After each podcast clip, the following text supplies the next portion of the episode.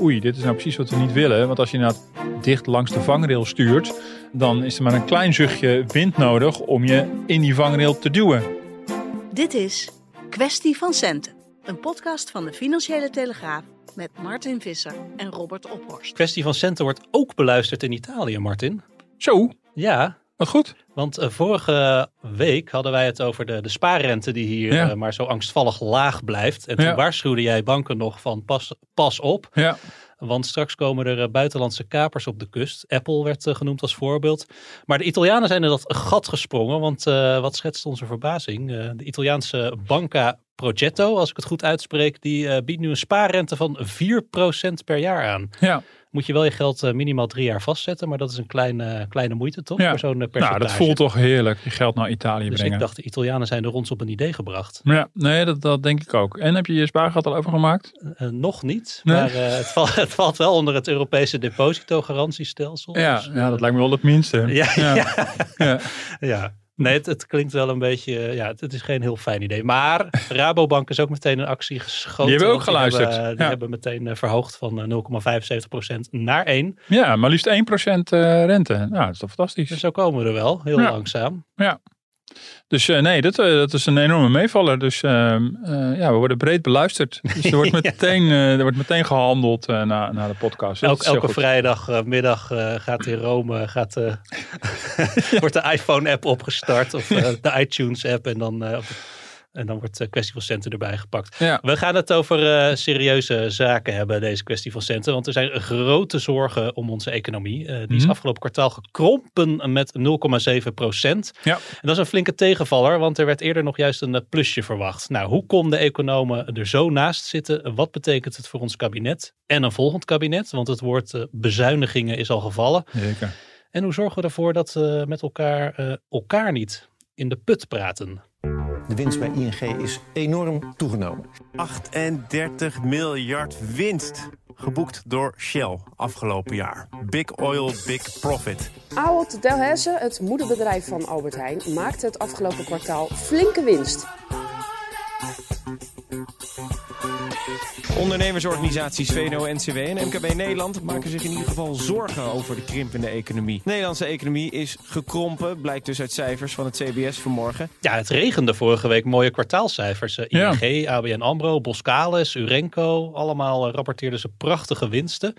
Het was aanleiding voor eh, collega Vian Schout om een verhaal te maken. Gaat het inderdaad zo goed met de BV Nederland? Nou, dat stond zaterdag eh, in de Telegraaf. En daarin werd al gewaarschuwd, er eh, liggen donkere wolken op de loer. Mhm. Nou, die donkere wolken zijn er al, zo blijkt. Eh, want de economie is het eerste kwartaal met 0,7% gekrompen ten opzichte van het vierde kwartaal van 2022. En dat meldt het Centraal Bureau voor de Statistiek dit jaar. En dat was toch een verrassing voor veel economen. Zeker. Misschien even om te beginnen een krimp van 0,7%. Hoe erg is dat? Ja, daar schrik je niet heel erg van, hè?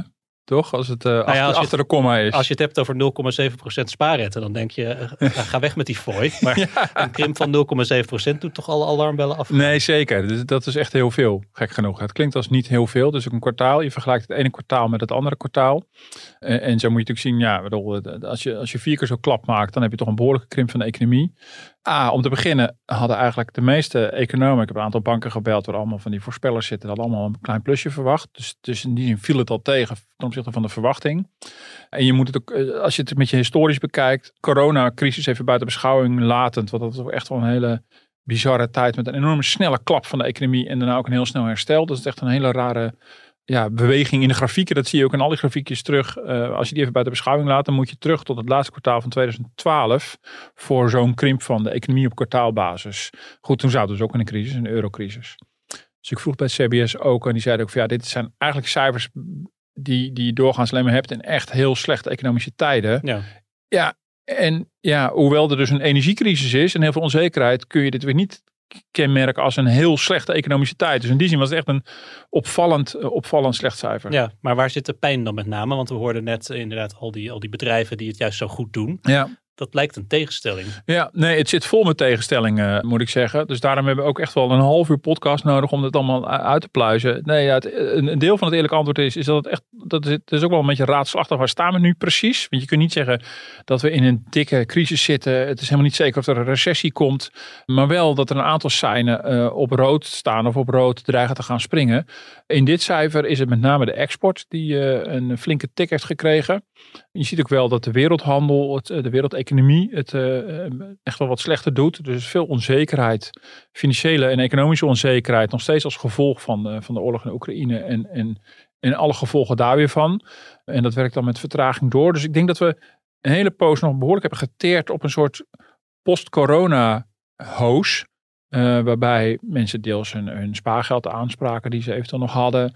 We met z'n allen weer dingen gingen uh, doen die er voor een tijdje niet konden. Zoals op vakantie gaan of, of uit eten, horeca, dat soort dingen. Dus je ziet Mhm. dat er een enorme eh, impuls is geweest van de economie. In Nederland bij uitstek. De Nederlandse economie is heel snel hersteld dan, na de coronacrisis. Veel sneller dan heel veel andere landen.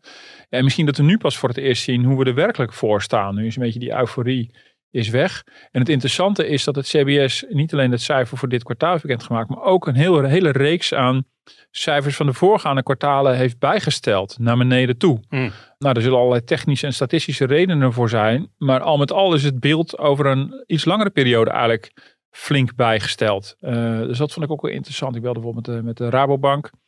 Die ook zei van ja, we dachten eigenlijk dat we een soort groeiwondertje waren in Nederland. We deden het echt heel veel beter dan heel veel andere landen. Maar en we dat, hebben de cijfers er nog eens bijgepakt en nog eens nagerekend.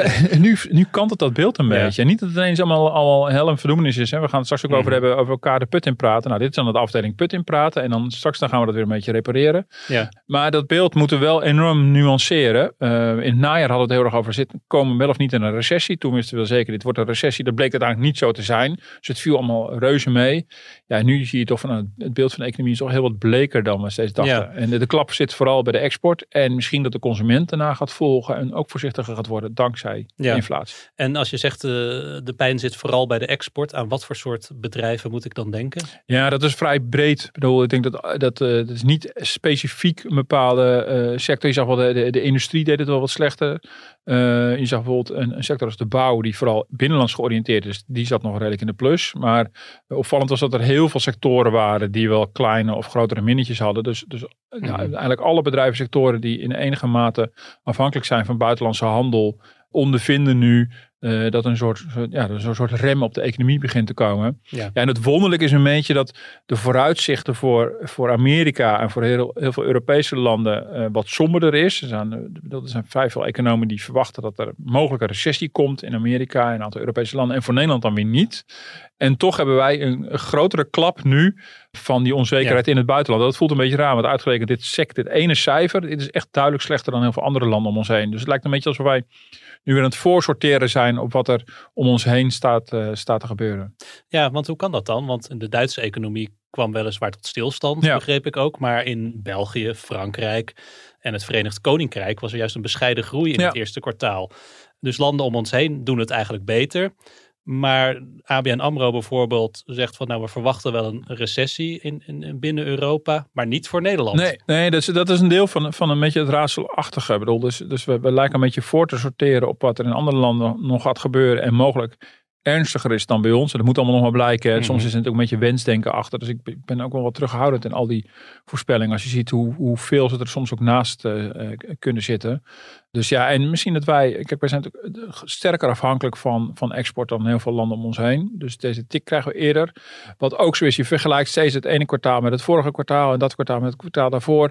Dus je vergelijkt steeds met een, met een voorgaande stand in de economie. Dat is op zich nogal logisch. En in Nederland eh, zijn we heel snel hersteld, wat ik net ook zei, van de coronacrisis. En op een gegeven moment als je dan afremt en je vergelijkt het met die uitbundige groei van daarvoor. Ja, dan lijkt het in verhouding een stuk slechter. Dat is ook een, een deel van de verklaring. Ja. Dus dat is meer een soort statistische, statistische reden. Kijk, als je eh, in een lijn de, de omvang als het ware van de economieën tegen elkaar afzet, hoe die ontwikkelen, dan staan we er duidelijk beter voor dan voor corona. eh, dan, en zeker dan tijdens corona. En ook beter dan heel veel andere landen om ons heen. Dus, dus je kan puur naar deze krimpcijfer kijken, maar je kan ook kijken van ja, maar hoe staat de totale, wat is de omvang van de totale economie? En dan steken we nog helemaal niet zo heel erg slecht af. Nee. Is dat ook de reden dat eh, eerdere ramingen van het Centraal Planbureau eigenlijk heel gun- nog gunstig waren? Ja. Er stonden alle zijn op groen. Je zegt het CBS heeft oude cijfers nog eens doorgerekend en, en komt toch tot een somberder beeld. Maar hoe kan het dan dat, dat die voorspellers er met terugwerkende kracht zo naast zijn? Ja, nou, dat, dat, uh, dat komt omdat voorspellen heel moeilijk is uh, om te beginnen. En uh, er wordt altijd heel veel waarde gehecht aan het, aan het voorspellende deel van het Centraal Planbureau en ook van die bank, van die banken die allemaal economische mm. bureaus hebben. Maar voorspellen van de economie is gewoon heel erg ingewikkeld. Dus het is meer een soort richting waarin je moet denken. maar we zijn natuurlijk geneigd soms om, om zo'n Centraal Planbureau af te rekenen op een tiende van een procent. Maar dat komt ook omdat ze die tiende van een procent natuurlijk ook in hun tabellen zetten. Dus het is ook een zo, zekere mate van schijnprecisie. En het is ook, het is ook eerlijk gezegd, het is ook gewoon een wat moeilijk te duiden periode. Het is ook een wat raadselachtige tijd waarbij je het gevoel hebt van er is een soort van energie-koopkrachtcrisis. Tegelijkertijd heb je een overheid die er ingesprongen is met miljarden om die koopkracht te stutten. Uh, de consument die uh, veel consumenten zijn natuurlijk met veel spaargeld uit zo'n coronacrisis gerold. Dat geldt ook weer niet voor iedereen. dus er gaan heel veel factoren grijpen in elkaar op een manier dat we nog niet echt eerder hebben gezien.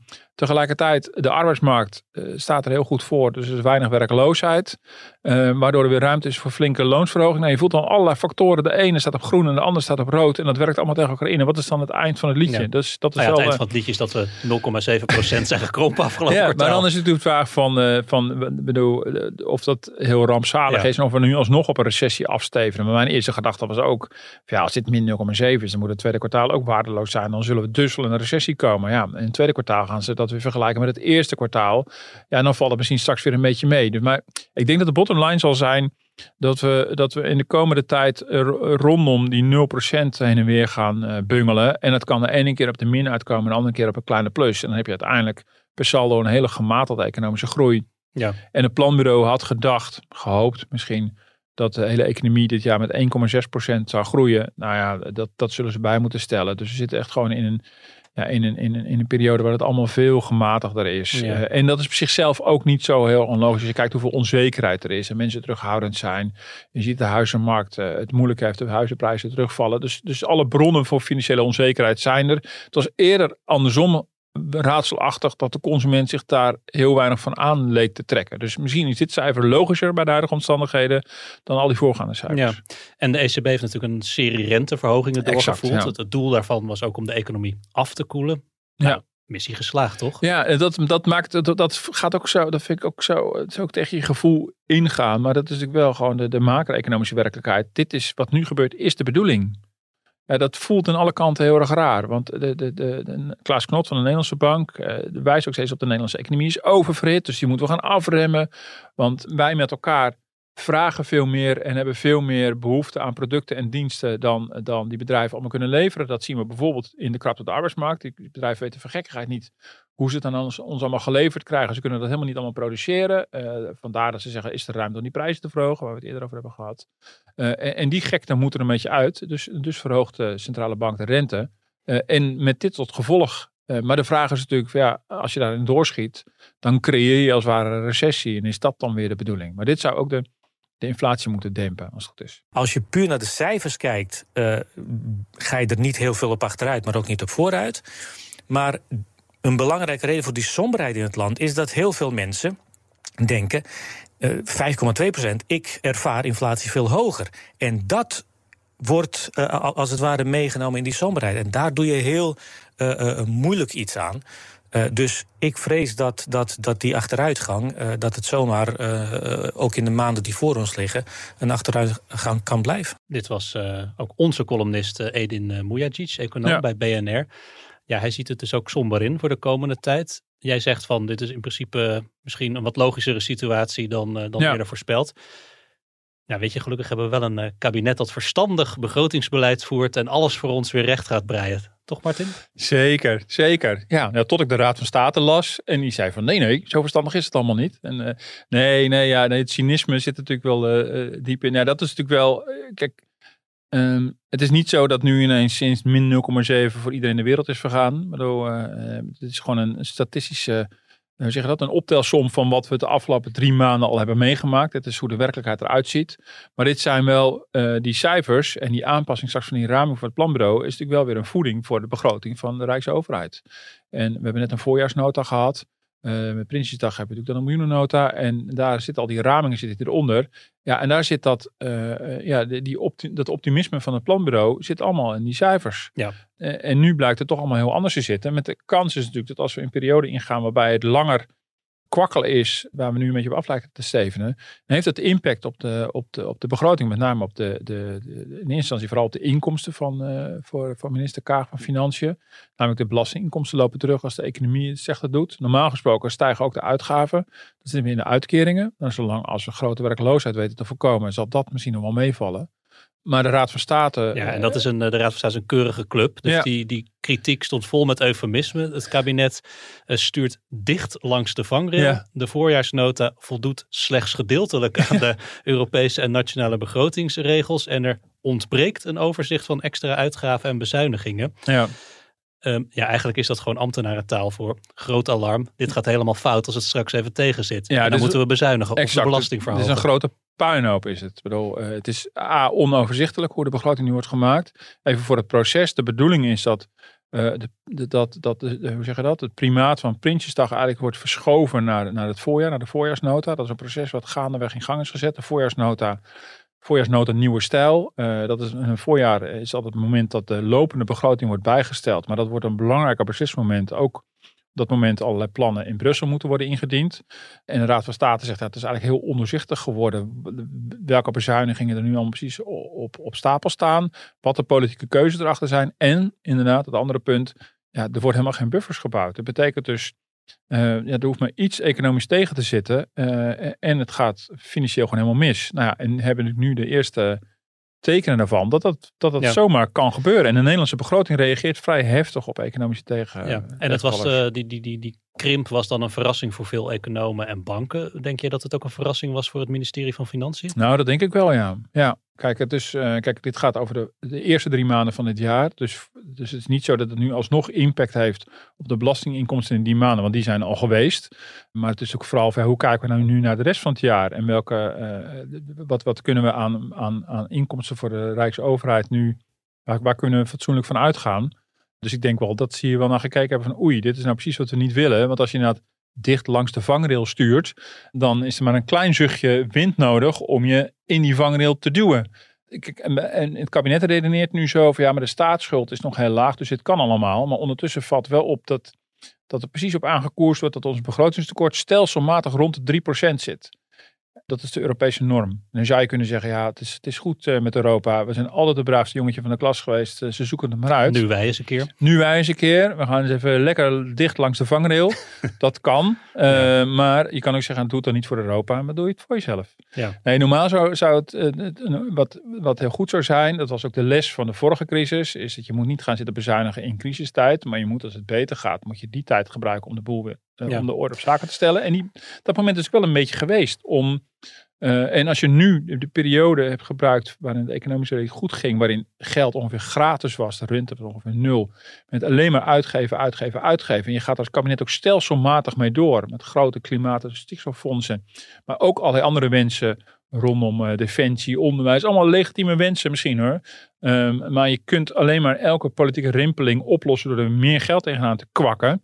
Ja, dan heb je en als kabinet riskeer dat je op een gegeven moment tegen een financieel probleem aanloopt. En eh, het andere is, je zadelt de, de, de, de volgende ploeg ook met een enorme erfenis op. Dat zegt de Raad van State ook. Dat de volgende kabinet, ja, bij de huidige economische omstandigheden gewoon misschien precies, dat past Ja. allemaal precies. Maar hoeft met dit te gebeuren. En, en het volgende kabinet moet beginnen met bezuinigen. Nou, lekker dan. In jouw column van eh, vrijdagochtend eh, had je het over eh, kabinet van der Plas 1. Die Ja. met, de- met de erfenissen opgezadeld krijgt. Ja, jij schreef ook van geld is sinds de onderhandelingen over een coalitieakkoord eigenlijk al de oplossing voor dit kabinet voor alle problemen. Ja. Ze maken niet echt keuzes wat dat betreft. Nee, en op zich politiek gezien is dat natuurlijk begrijpelijk. We, hebben allemaal, eh, we zijn allemaal toeschouwer geweest, een soort ramptoerist geweest van het ontstaan van dit kabinet.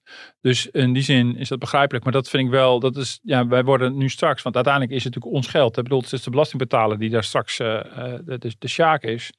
En bij bezuinigingen moeten wij meemaken dat er misschien bepaalde voorzieningen worden, worden, worden Ja. uitgekleed. Eh, maar, maar, maar we zien natuurlijk wel wat de prijs is die we betalen voor die, voor die politieke puinhoop die we eh, hebben gezien. En, en geld houdt de, de club nog een beetje bij elkaar. En natuurlijk zal men zeggen, ja, maar eh, het halen van klimaatdoelstellingen kost nu eenmaal veel geld. Nou, dat is allemaal tot je dienst. Dat is allemaal heel erg waar. Maar dan nog verwacht je wel dat de minister van Financiën gewoon wel prudent begroot. Ja. En dat we niet straks eh, ineens, eh, ineens voor enorme bezuinigingen staan, omdat ze geen rekening hebben gehouden met andere mogelijke scenario's. Nou, dat, dat andere mogelijke economische scenario, daar komen we nu verdacht dichtbij. En wat eh, kunnen we nou doen om een, een rukje aan het stuur te geven om iets verder van die vangrail af te komen? Ja, nou ja, dat is toch uiteindelijk in eerste instantie aan, aan de coalitie. En dat is, eh, ja, ik ben, ja, ik zie dat eerlijk gezegd ook niet heel erg gebeuren vanwege de moeilijke verhoudingen. Want eh, ja, goed, we hebben, ze moeten die stikstofdeal nog open gaan breken en tot iets nieuws brengen. Ze hebben een asielkwestie. Nou, er, er ligt genoeg op het bordje. Ehm, dus het zal heel moeilijk zijn, denk ik, om, om met z'n vieren te bedenken van ja, maar, maar als we prioriteiten moeten stellen, en dat, dat moet dus, bedoel, waar gaan die naartoe en waar wordt het een onsje minder? Durven we politieke beslissingen te nemen om op een aantal vlakken misschien wat zuiniger aan te doen? Ja, dus dat, ik zie dat eerlijk gezegd niet zo ge- gebeuren. Dus voor mij komt er heel veel financieel kunst en vliegwerk aan te pas om allemaal net binnen de, de normen te vallen. En Dat, dat zie je overigens ook gebeuren. Een heel aardig als illustratie is dat je ziet dus de, de begrotingstekort. Dat, dat scheert nu net onder de 3%. Nu is in dit jaar eh, krijgen alle Europese landen ook eh, toestemming van de Europese Commissie om vanwege de crisis eh, om nog eens een keertje een jaar niet aan de normen te houden. Je ziet ook dat de structurele tekortcijfers eronder eigenlijk al niet meer volgens de Europese afspraken zijn. Dus normaal zou Nederland wel iets uit te leggen hebben in Brussel. Maar goed, we hebben nu een soort uitstel van executie. En volgend jaar is die uitstel van executie eraf. En dan zie je dat begrotingstekort ietsje daalt. En dan zie je hem vervolgens daarna weer oplopen. Ja, en dan, dan is het van na onze zondvloed. En dan zitten we weer een nieuwe ploeg. En die mag het allemaal uitzoeken. Dus het wordt heel precies. Dat kan natuurlijk begrotingstechnisch kan je vrij, nou ja, vrij precies het zo sturen dat je er net mee wegkomt, zeg maar. Maar dat is iets anders dan gewoon een, een goed beleid hebben. Eh, wat ook gewoon houdbaar is eh, voor, voor, voor, voor de toekomst. En we hadden ooit houdbare overheidsfinanciën, maar we zitten nu echt in een risicogroep. Dat is ook echt heel, heel merkwaardig dat we daarin terecht zijn gekomen. Dat is denk ik de prijs die we betalen voor de politieke oneenigheid. Ja, ik zei ook, eh, daar schrik je wel van. Want het is toch echt 0,7 procent eh, ja, eh, afnamekrimp. Ehm, en dat hebben we eigenlijk lange tijd niet gehad. eh, niet in die mate. Dus dan moet je toch wel even goed nadenken. Wat is er nou aan de hand? Wat, wat zegt dit nou? En het gaat over een afnemende export. En die kan je wel een beetje verklaren, omdat we in Nederland te maken hebben met wat hogere prijzen. We hebben te maken met eh, ja, toch ook weer wat, wat, wat stijgende lonen. eh eh, hebben dan hogere energiekosten. Dus dat maakt natuurlijk wel dat die concurrentiepositie van Nederland in het buitenland. eh, nou, dat dat iets doet. Aan de andere kant, de mensen thuis hebben er gelukkig nog niet zoveel van gemerkt. We zien dat de consumptie gelijk is gebleven. Maar alertheid is geboden. Ja, dat was eh, minister van Economische Zaken Adriaan Sund. We moeten onszelf eh, niet eh, in de put praten, zei ze ook eh, daar bij BNR in de studio. En die boodschap heeft ze een aantal keer Ja. herhaald die, eh, deze week. Is allemaal eh, leuk en aardig, maar die, na die doemverhalen van jou net, Martin, vind ik het toch wel lastig. Moeten we nou als consument gewoon maar leidzaam afwachten wat Ja. onhelder gaat naderen? Of kunnen we nog iets doen? Nou ja, ik bedoel, ik ben het helemaal mee eens hoor. De, de, zelf de put in praten heeft niet zoveel zin. Dat denk ik wel even goed om ook te zeggen. ook al zou er een recessie komen. De recessie klinkt altijd heel heftig, maar dat is niet het einde van de wereld. Een recessie is uiteindelijk ook een soort statistisch begrip van twee kwartalen op rij eh, een krimp. En dan noemen we het een recessie. Dat kan ook een hele kleine recessie zijn. Ehm, het, het- je kan het ook een pas op de plaats noemen. En of je nou, weet ik wat, eh, als straks de economie 0,1 zou krimpen in plaats van 0,1 zou groeien, dat maakt allemaal niet zoveel uit. Maar in het ene geval is wel een recessie, in het andere niet. Ja, het is Ehm, niet per se iets wat je meteen merkt. eh, Nee. Boodschappen doen of het besmeren van je boterham. Precies. Nou, ik denk dat de, de belangrijkste nuance is, eh, A, er is wel behoorlijk wat aan de hand. Daar wijst de minister ook op. Met de stijgende prijs is heel veel reden voor, toch ook wel voor zorg. En zeker voor mensen met een hele krappe beurs. Dus het aantal mensen dat, dat, dat moeite heeft om rond te eh, problemen heeft met de energierekening en met de, met de boodschappen. Dat is gewoon echt een reëel punt. Daar is het kabinet ook ingesprongen met het koopkrachtpakket. En dan zullen ze voor, voor het nieuwe jaar ook alweer iets verzinnen om zo goed mogelijk die groepen die het nodig hebben, eh, daarbij te ondersteunen. Dus daar is echt wel iets aan de hand. En dat maakt het best wel, die grote onzekerheid maakt het best wel lastig als je grote uitgaven moet of wil doen. Van moet je dat nu wel of niet doen. Eh, maar de grootste nuance, ik heb het al heel even genoemd, is op de arbeidsmarkt. Kijk, een inflatie van 10% vorig jaar, dat is een klap voor je, voor je koopkracht. Maar wat ook een hele grote klap voor je koopkracht is, is het verliezen van een baan. En eh, het bijzondere aan deze crisis, of het dan wel of niet een recessie wordt, is dat de werkloosheid nog steeds heel laag is. Dus dat is natuurlijk wel wonderlijk. En er zijn nog geen, geen signalen dat het heel erg gaat veranderen. Eh, ja, je zou zeggen, als, als exporterende bedrijven eh, steeds meer hinder ondervinden van een, van een afkoelende wereldeconomie, dan, dan lijkt dat toch onvermijdelijk. Maar in het verleden is ook wel vaak gebleken dat bedrijven echt niet bij de eerste tegenwind meteen beginnen met ontslaan en reorganiseren. Uh, dat denken we misschien altijd een beetje als we. Mhm.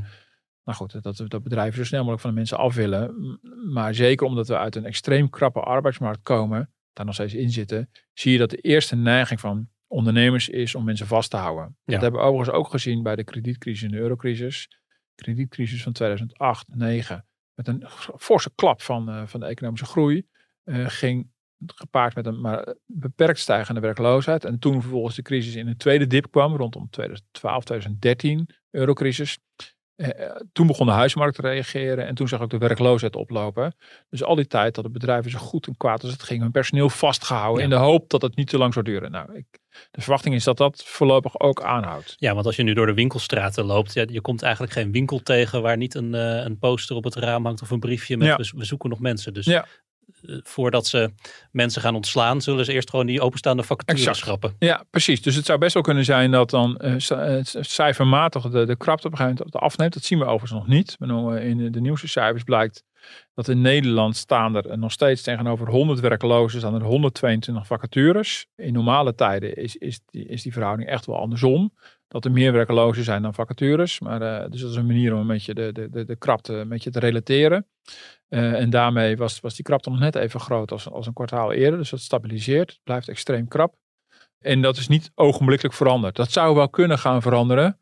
Uh, maar dan moet eerst inderdaad moeten die vacatures worden ingetrokken. En dan krijgen misschien bedrijven die gaan reorganiseren. En misschien zijn er her en der sectoren waar, waar de klap wat groter is, waar dat misschien wel gaat gebeuren. Dat zou op zich natuurlijk best wel kunnen. Uh, eh, VDL Netcar speelt natuurlijk heel erg uh, met de reorganisatie, omdat ze bepaalde opdrachten zijn misgelopen. of niet meer, niet, niet meer hebben. dus dat soort gevallen kunnen natuurlijk wel degelijk zijn.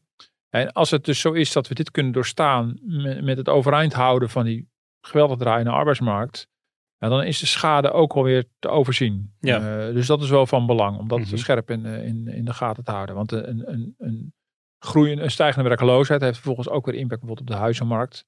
Uh, dus dan zouden de huizenprijzen misschien nog harder dalen dan dat ze nu doen. En daar zijn voorlopig nog geen aanwijzingen voor dat dat op de arbeidsmarkt staat te gebeuren. Nee, sterker nog, we hadden uh, van de week in de krant ook de voorspelling dat de huizenprijzen in 2025 weer gaan stijgen. Weer, weer zouden gaan stijgen. Ja, dus um, uh, ja, op een gegeven moment Um, uh, je ziet de betaalbaarheid nu ook weer voorzichtig gaan, uh, als het goed is, toenemen. Want de dalende prijzen, uh, die, die, die, die heffen de, de, stijgende rente dan op een gegeven moment op. En nu hebben, hebben starters vooral nog last van dat, dat, dat een, een, een iets goedkoper huis nog steeds niet goed betaalbaar is, omdat de rente stijgt. Maar op een gegeven moment wordt het ene effect groter dan het andere effect. En dat zou ook voor de stabiliteit op de huismarkt kunnen gaan zorgen. Maar ook dat is altijd met heel veel onzekerheid. Uh, en gecombineerd met uh, hogere lonen die uh, overal worden afgesproken, heb je ook weer wat meer te besteden. Zeker, dus dat is ook van belang. Ik bedoel, voor, voor de financieren van een huis maakt inderdaad uit. De, is de rente van belang. En als de lonen stijgen, dan heb je ook meer financiële ruimte. Overigens betekent dat nog wel dat mensen vaak wel echt maximale moeten lenen wat ze mogen lenen om dat huis te kunnen kopen. Dus echt, dat is betrekkelijk goed nieuws, zeg maar. Dat is relatief goed nieuws. Dus dat zou ook weer enige rust moeten geven als die huizenprijzen weer iets, uh, iets stijgen. Ja, dus Adriaansens heeft uh, gelijk als ze zegt, de meeste mensen zullen er hier nog uh, weinig van merken. Ja, behalve dan inderdaad wat je merkt zijn de prijsstijgingen. En wat je, en dat je grosso modo ziet dat de cao-lonen flink omhoog gaan. De afgelopen maand gemiddeld 7,5% de nieuwste cao's.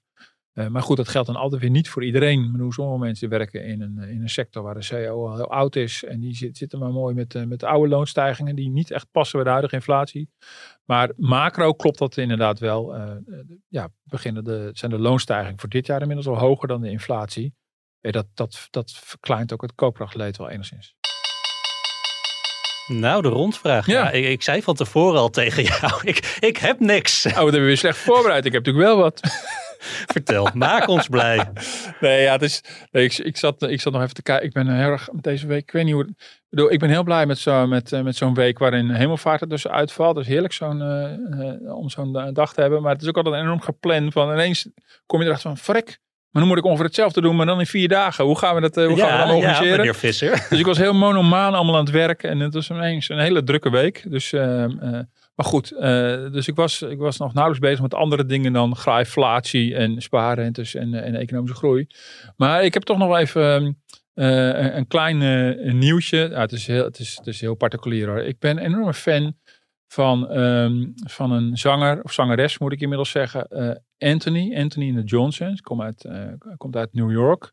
Tegenwoordig heet zij Anoni. Ik weet niet precies wat het voor staat, maar ze heeft een nieuwe een nieuwe naam al een tijdje. En na heel veel jaren komt er een nieuw album oh, van uit. Zag ik net op een muziek, uh, maar ik, Music uh, Mate, wat ik oh, altijd ja, Nee, want ik uh, was destijds met I Am A Bird Now. Dat was volgens mij oh, ja, ik ben, zijn, het. Oh, zijn eerste album. Of misschien tweede. Maar toen, dat was de doorbraak. Maar het is dus inderdaad nu een, een, een vrouw geworden. Ja, het is altijd een androgyne. Het is een hele bijzondere verschijning met een hele bijzondere stem. Het is een beetje operateske popmuziek. Love it or hate it. Heel veel drama, piano. Exact. En, ja. nee, het is wel heel een, een uniek stemgeluid. Het is een, uniek stemgeluid. En uh, er komt, uh, ik zie dat het pas 7 juli is. My Back Was a Bridge for You to Cross is een nieuw album. Ik kijk er enorm naar uit.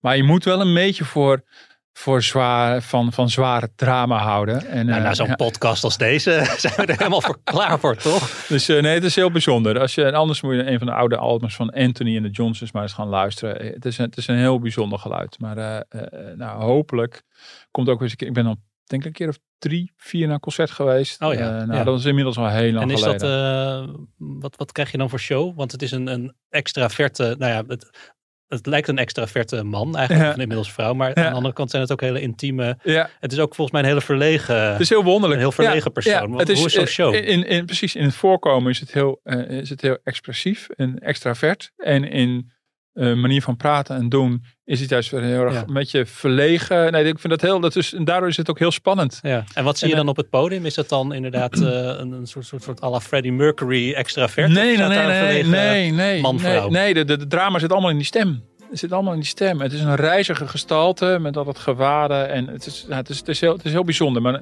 muziek die, die naar het klassieke soms een beetje neigt. Met heel veel piano, met strijkers. En eh, ja, ik heb het in Carré gezien. Ik heb het in Rotterdam uh, ben ik geweest. Ik ben voor mij een keer in Eindhoven geweest. Ja, en hoe groot die zaal ook is, die zaal wordt uiteindelijk heel klein. Dat is, ja, ik vind het prachtig. Maar je moet, wat ik zeg, je moet wel van een beetje vet drama houden. Dan, uh, dan is het. Uh, maar goed, ga maar eens luisteren. En 8 juli komt een nieuwe. 7 juli komt een nieuwe plaat aan. Mooi, gaan we doen. Martin, dankjewel. Gaan we volgende week weer verder. We en dan misschien wat optimistischer, wie weet. Tot, Tot volgende week.